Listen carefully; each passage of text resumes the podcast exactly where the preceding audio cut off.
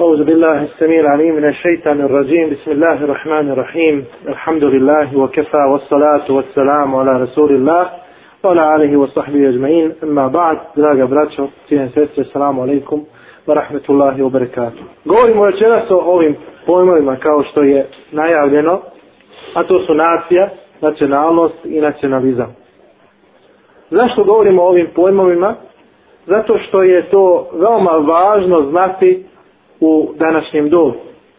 Da bi čovjek mogao uzeti i da uzeti ispravan stav, islamski stav u pogledu problematike koja danas nama, a posebno bošnjacima, kuca na vrata. Kada kažemo nacija, prvo da definišemo ove riječi. Kada kažemo nacija, to označava narod u prijevodu narod ili nacija. I ono što definiše jednu naciju, kao što kažu savremeni učenjaci, uglavnom u današnjem savremenom smislu jesu jezik i teritorijalno određenje. Znači da se ljudi nađu na jednom mjestu i da imaju zajednički jezik. Nekada je bilo više faktora, kao što su religijski faktor, jeste vjerski faktor, kao što su rasni faktori i tako dalje. Mnogi ovi faktori su danas bačeni na marginu. A ostaju dva važna faktora, a to su jezik i zajedničko prebivalište, odnosno zajednička zemlja, zajedničko okruženje. To definiše danas jednu naciju. Kada govorimo o nacionalnosti, često se ova riječ spominje, onda pod ovom riječu podrazumijemo pripadnost određenom narodu. Pa kada budemo upitani kome pripadamo, koji smo nacije, to jeste koji se nacionalnosti ti izražava svoju pripadnost toj naciji i to nije pokuđeno. To je ono što je Allah subhanahu wa ta'ala stvorio. Stvorio je ljude tako da budu razdijeljeni, kao što ćemo kasnije citirati u ajetu, na narode i na plemena. Imamo treću riječ koja je bila u naslovu, a to je nacionalizam. I ona je veoma problematična sa samog islamskog aspekta, sa islamskog stanovišta. Zašto? Zato što riječ nacionalizam podrazumijeva nacionalni egoizam. Šta to znači? Da čovjek voli svoju naciju, a da druge nacije prezire samo zato što govore različitim jezicima ili što se nalazi na drugim teritorijama. I to je ono što je Islam pokudio. To je ono što je Allah subhanahu wa ta'ala prekorio u svojoj knjizi. To je ono što je Allah subhanahu wa ta'ala pojasnio u svojoj knjizi. To je ono što je poslanik sallallahu alaihi wa sallam najoštrije osuđivao. Jer kaže Allah subhanahu wa ta'ala Ja ajuhan nas O ljudi Ne kaže samo o vjernici, nego obraća se cijelome čovječanstvu, svim ljudima, vjernicima i nevjernicima.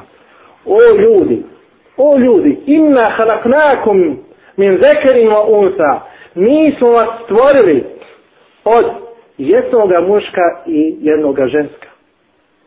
وَجَعَلْنَاكُمْ شُعُوبًا وَقَبَائِلَ لِتَعَرَفُوا I mi smo vas učinili narodima i plemenima لِتَعَرَفُوا da bi se bolje poznavali.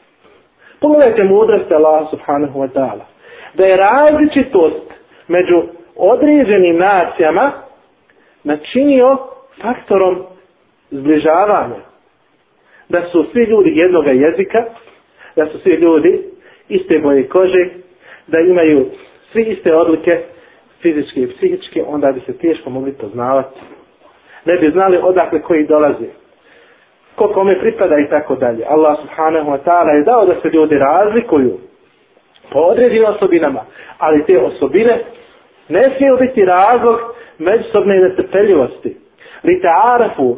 I onda Allah subhanahu wa ta'ala znači ovo samo navodi radi jedne vrste upoznavanja zašto je stvorio ljude takve. I onda stavlja to na marginu i kaže inne ekremekum inda Allahe skakom. A najčastniji kod Allaha jeste onaj koji je bogobojazan. Najčastniji kod Allaha subhanahu wa ta'ala jeste onaj koji je bogobojazan.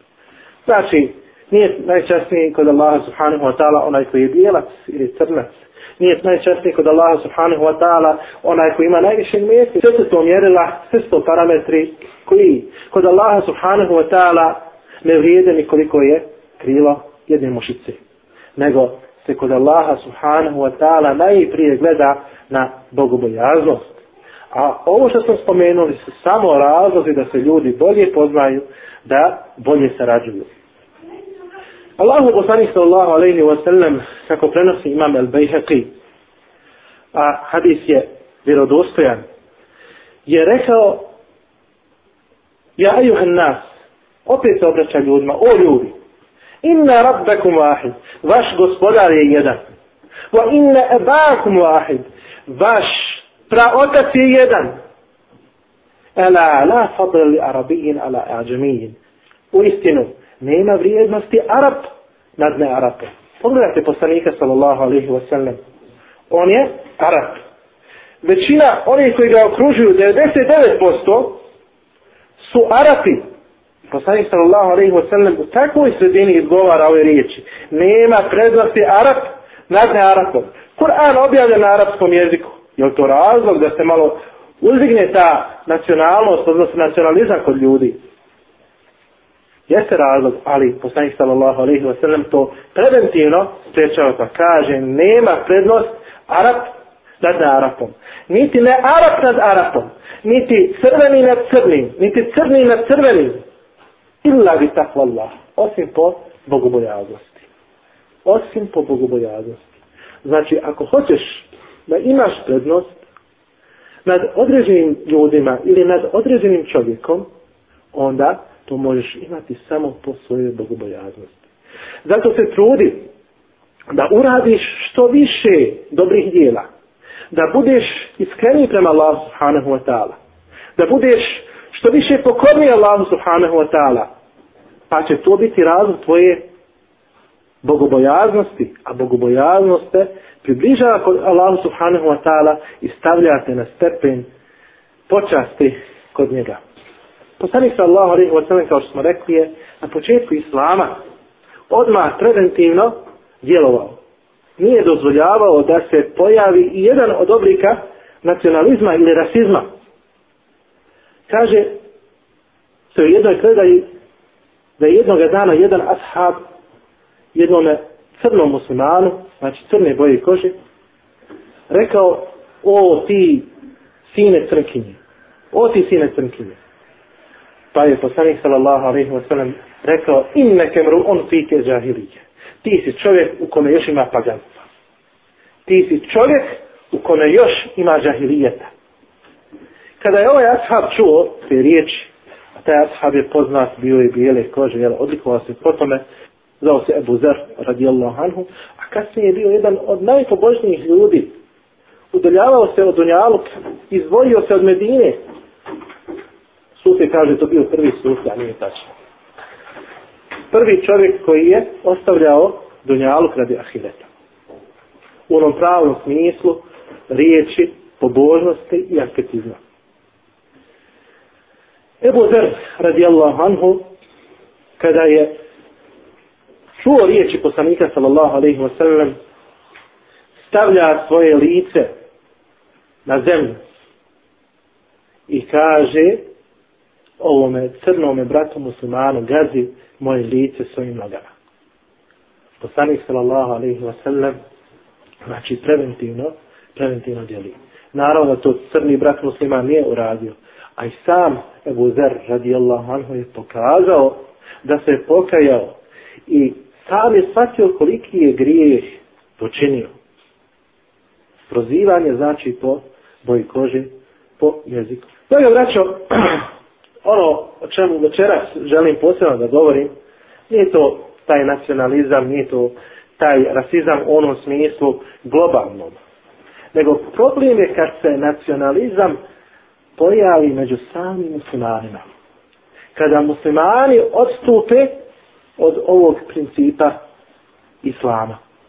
I kada muslimani počnu govoriti da oni imaju nekako nacionalno ispovjedanje islama, odnosno obraćanje obraćanje Bogu, svoje nacionalne ibadete i tako dalje. Muslimani su dužni da budu zajedno. To je princip islama. Bez obzira, bili crni, bili bijeli, bili žuti, bez obzira kakav jezik govorili, to su pravila koja su poznata i koja smo spomenuli. Međutim, danas se pokušavaju nametnuti muslimanima različiti modeli novih islama, pod navodnicima novih islama. Pa tako da, bošnjaci imaju svoj islam, svoj bosanski islam, to je najbolji islam. Da Arapi imaju svoj islam, to je najbolji islam. Da Turci imaju svoj islam. Da postoji također neki američki islam.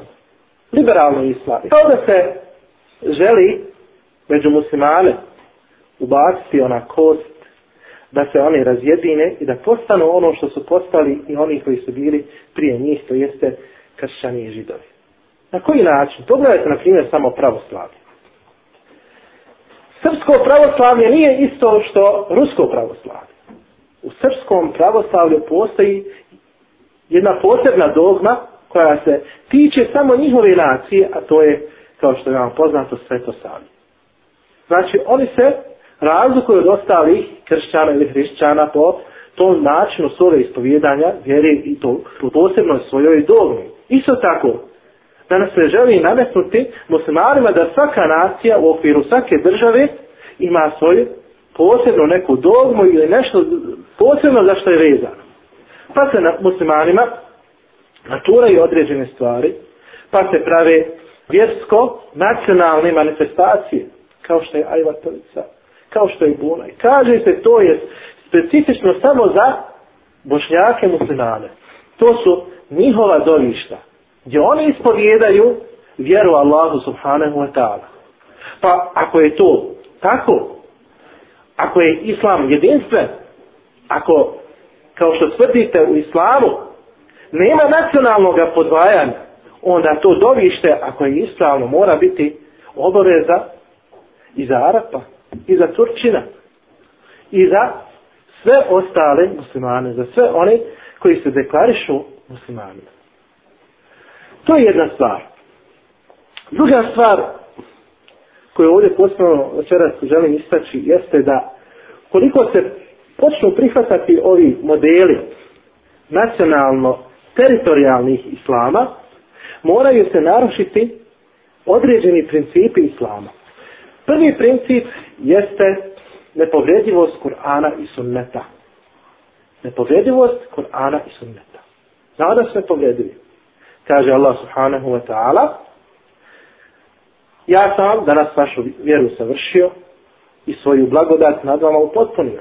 Moraditu nekomu islam dina i zadovoljan sam da vam vjera bude islam. Znači Allah subhanahu wa ta'ala je usavršio ovu vjeru upotpunio završio je sa objavom ove vjere, ona je upotpunjena, nema nikakvih mahana. Zato su učenjaci Islama rekli, a posebno imam Malik ibn Enes, onaj ko ustvrdi da treba uvesti novi ibadet u ovu vjeru, onda tvrdi svojim postupkom da Allah subhanahu wa ta'ala nije upotpunio ovu vjeru. I da nije usavršio svoju blagodat. Znači, onako smatra da treba uvesti novi ibadet, onda kao da želi da upotpuni ono što Allah subhanahu wa ta'ala nije upotpunio. Također narušava se princip sunneta poslanika sallallahu alaihi wa sallam. Men amila amelan lejsa alaihi amruna huwa rad. Ko uradi kako djela koje nije u skladu sa onim na čemu smo mi, to jeste sa propisima Islama, kaže poslanik sallallahu alejhi ve sellem, fa huwa rad, to se odbaci. Ko u našu vjeru uvede men ahdatha fi amrina hada, ono što nije od nje, fa to se također odbacuje. Zatim, poslanik sallallahu alejhi ve sellem kaže terektu fikum amrayn ja vam ostavljam dvije stvari nećete zalutati poslije mene ako i se budete pridržavali Kur'an i moj sunnet. I ove dvije stvari se neće razlići sve dok meni ne dođu na havd na izvor. Kur'an i sunnet se nikada neće razvijeniti. Znači, nepovjedivost Kur'ana i sunneta. Na koji način? Tako što Kur'an i sunnet su sve završili u pogledu ibadeta. Pokušavaju se uvesti neki novi nacionalni ibadeti. Često se pripisuje onima koje danas nazivaju vehabijama, da oni ne shvataju šta je to novotarija u vjeri. Pa ovi uvedu neke nacionalne novotarije. Onda ovi kažu i da dočekaju. Eto vidiš da ne sataju. Ako kažu da je to novotarija, ovaj naš ibadet, ako je ajvatovica novotarija, pa onda je kaže mobitel novotarija. Sad smo i kaže naš. Nema je odgovora na to. Kaže poslanik sallallahu alaihi wasallam, ko u ovu našu vjeru uvede nešto novo. Nije rekao poslanik sallallahu alaihi wasallam, ko uvede u naš život nešto novo, to mu se odbraci. Jer poslanik sallallahu alaihi ve sallam je unosio nove stvari u svoj život. Zar poslanik sallallahu alaihi ve sellem prilikom bitke na Hendeku nije uzeo način ratovanja od Perzijanaca, današnjih Iranaca. Zar nije poslanik sallallahu alaihi ve sellem prema savjetovanju sa Selmanom El Farisijem iskopao one duboke kanale ili hendeke oko Medine. To se nikada nije desilo prije u ratovanju Arapa. Nego je to uzeo od Perzijanaca. Vidite da je poslanik sallallahu alaihi wasallam unosio novotarije u život. Ali nije dopuštao da se novotarije unose u vjeru. Znači kada se kaže novotarija, mi pod novotarijom podrazumijevamo unošenje novih stvari, inovacija u ibadete, oblike ispovjedanja vjere Allahu subhanahu wa ta'ala. Drugi princip koji se narušava jeste princip sveislamskog bratstva. Koliko se znači počnu krojiti ovi nacionalni modeli islama, onda se narušava princip sveislamskog bratstva. Onda će određena nacija smatrati da je njihov ibadet Allah subhanahu wa ta'ala bolji. Da su oni bliži Allah subhanahu wa ta'ala imaju svoj specifičan ibadet. Mi imamo ajra zedo, jel? Mi imamo ovoga, imamo ovoga, kao što su oni imali svetoga Saulu. Znači, reći će se, mi smo bliži Bogu i onda će to izazivati netrpeljivost prema ostalim nacijama u islamu. Onda će Turci početi mrziti Arape. Arapi Turki. Kao što se nažalost desilo, draga braća, u prethodnom stoljeću. Naime, poslije prvog svjetskog rata ili pri kraju prvog svjetskog rata, na području današnje Transjordane, Palestine i Jordana su se odvijale velike bitke između Osmanskog carstva i Arapa. Interesantno, s jedne strane su bili Arapi i Englezi, a s druge strane su bili Turci i Njemci. Muslimani se borili protiv muslimana i s jedne strane bili jedne nevjernici, s druge strane i drugi nevjernici. Pomagali ih. Jedna od tih velikih bitaka se odigrala na jednom poznatom brdu koji se nalazi u jednom gradu koji je također blizu Amana, naziva se grad Salt. Tu su Arapi i Englezi do nogu potukli Turke. Tako da je tu izgledalo na hiljade. I uzet je veliki plijen, mnoštvo zlata, tone zlata. Mi ne govorimo o tom. Ne govorimo sada o toj nacionalnoj netrpeljivosti. Kako Arapi nisu podnosili Turke i kako Turci nisu podnosili Arape. I kako su bili prisiljeni zbog te nacionalne netrpeljivosti da ih pozivaju nevjernike da ih pomažu u borbi jednih protiv drugih. Nažalost. Zato današnji muslimani ne smiju dozvoliti da dođe do toga. Da jedni drugi ne podnose i da se jedni protiv drugih bore. A najviše što će muslimane razjediniti jeste novotarija u vjeri. Novotarija u vjeri. Od novotarije u vjeri počinje sve. Od novotarije u vjeri počinje cjepkanje safova, odnosno redova muslimana. Zatim, Allah subhanahu wa ta'ala kaže innama al-mu'minuna ihva. Samo su vjernici braća. Vi se čvrsto Allahovog užeta držite i nemojte se nikako razjedinjavati. Allahovo uže jeste Allahova subhanahu wa ta'ala knjiga. Jedan primjer još kojeg se sjećam još u ratu kružila je jedna video kaseta u kojoj govorio jedan naš fanatik, pjesnik. I sada on opetuje riječi poslanika sallallahu alaihi wasallam, ali malo mijenja tekst toga. Znate u bitci na Bedru da je poslanik sallallahu alaihi wasallam rekao Allahu moj, pa je podigao ruke tako da mu je ogrtač spao. Allahu moj, ako uništiš ovu malu skupinu muslimana, ko će te obožavati na zemlji? Ta kaseta, video kaseta govori o bošnjacima, muslimanima, o stradanju, tako. Mislim da se otprilike pojavila 93. godine, zato što je bilo snimaka iz 92. godine. I sada taj pjesnik kaže, Allahu moj, ako uništiš ovu malu skupinu bošnjaka, ko će te obožavati na zemlji? Kao da su bošnjaci jedini muslimani na ovoj planeti. Koji je to samo nacionalizam? Koji je to samo pokvarenluk? I na kraju krajeva to nas vodi u ono protiv čega se danas najviše borimo, a to je tekfir muslimana. Ako ti kaže da su bošnjaci, znači direktno ili indirektno, jedini muslimani na zemlji, onda je to veliki problem. Znači da ne smatraš ostale muslimane muslimanima. Zatim, draga braćo, jedan također primjer koji sam vidio nedavno na zapadu. Primjer, to je da sam došao jedan džemat oni su zakupili jednu prostoriju i tu sam ušao i čujem učenje teraviju s jedne strane i s druge strane. Dva glasa dolazi. Jedan je malo onaj ljepši glas, onaj turski prevas. drugi je onaj naš bošnjački. Kad vidim dva džemata jedan do drugoga. Imaju sve isto, iste novotarije, isto sve. Međutim, šta ih dijeli samo, mi smo bošnjaci, ali su tamo Turci. Samo i zid diri, pet metara ih dijeli, jedne od drugi.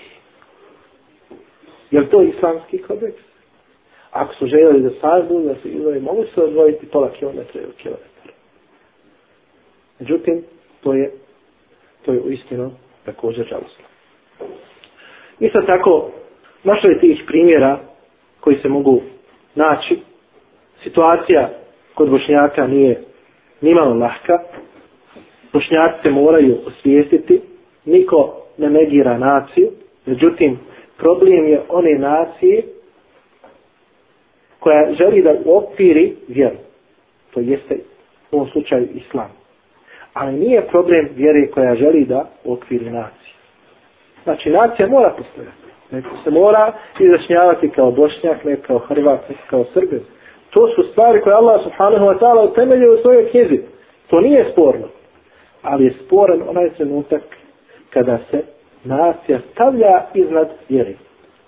Kao što se može često naći kod nekih balkanskih naroda. Molim Allah subhanahu wa ta'ala da nas sačuva svake vjerske i nacionalne netrpeljivosti. Molim Allah subhanahu wa ta'ala da shvatimo ovo što sam včera rekli u ahiru da lana alhamdulillahi rabbil alamin wa sallallahu alaihi wa sallam muhammad wa ala alihi wa sahbihi ajma'in.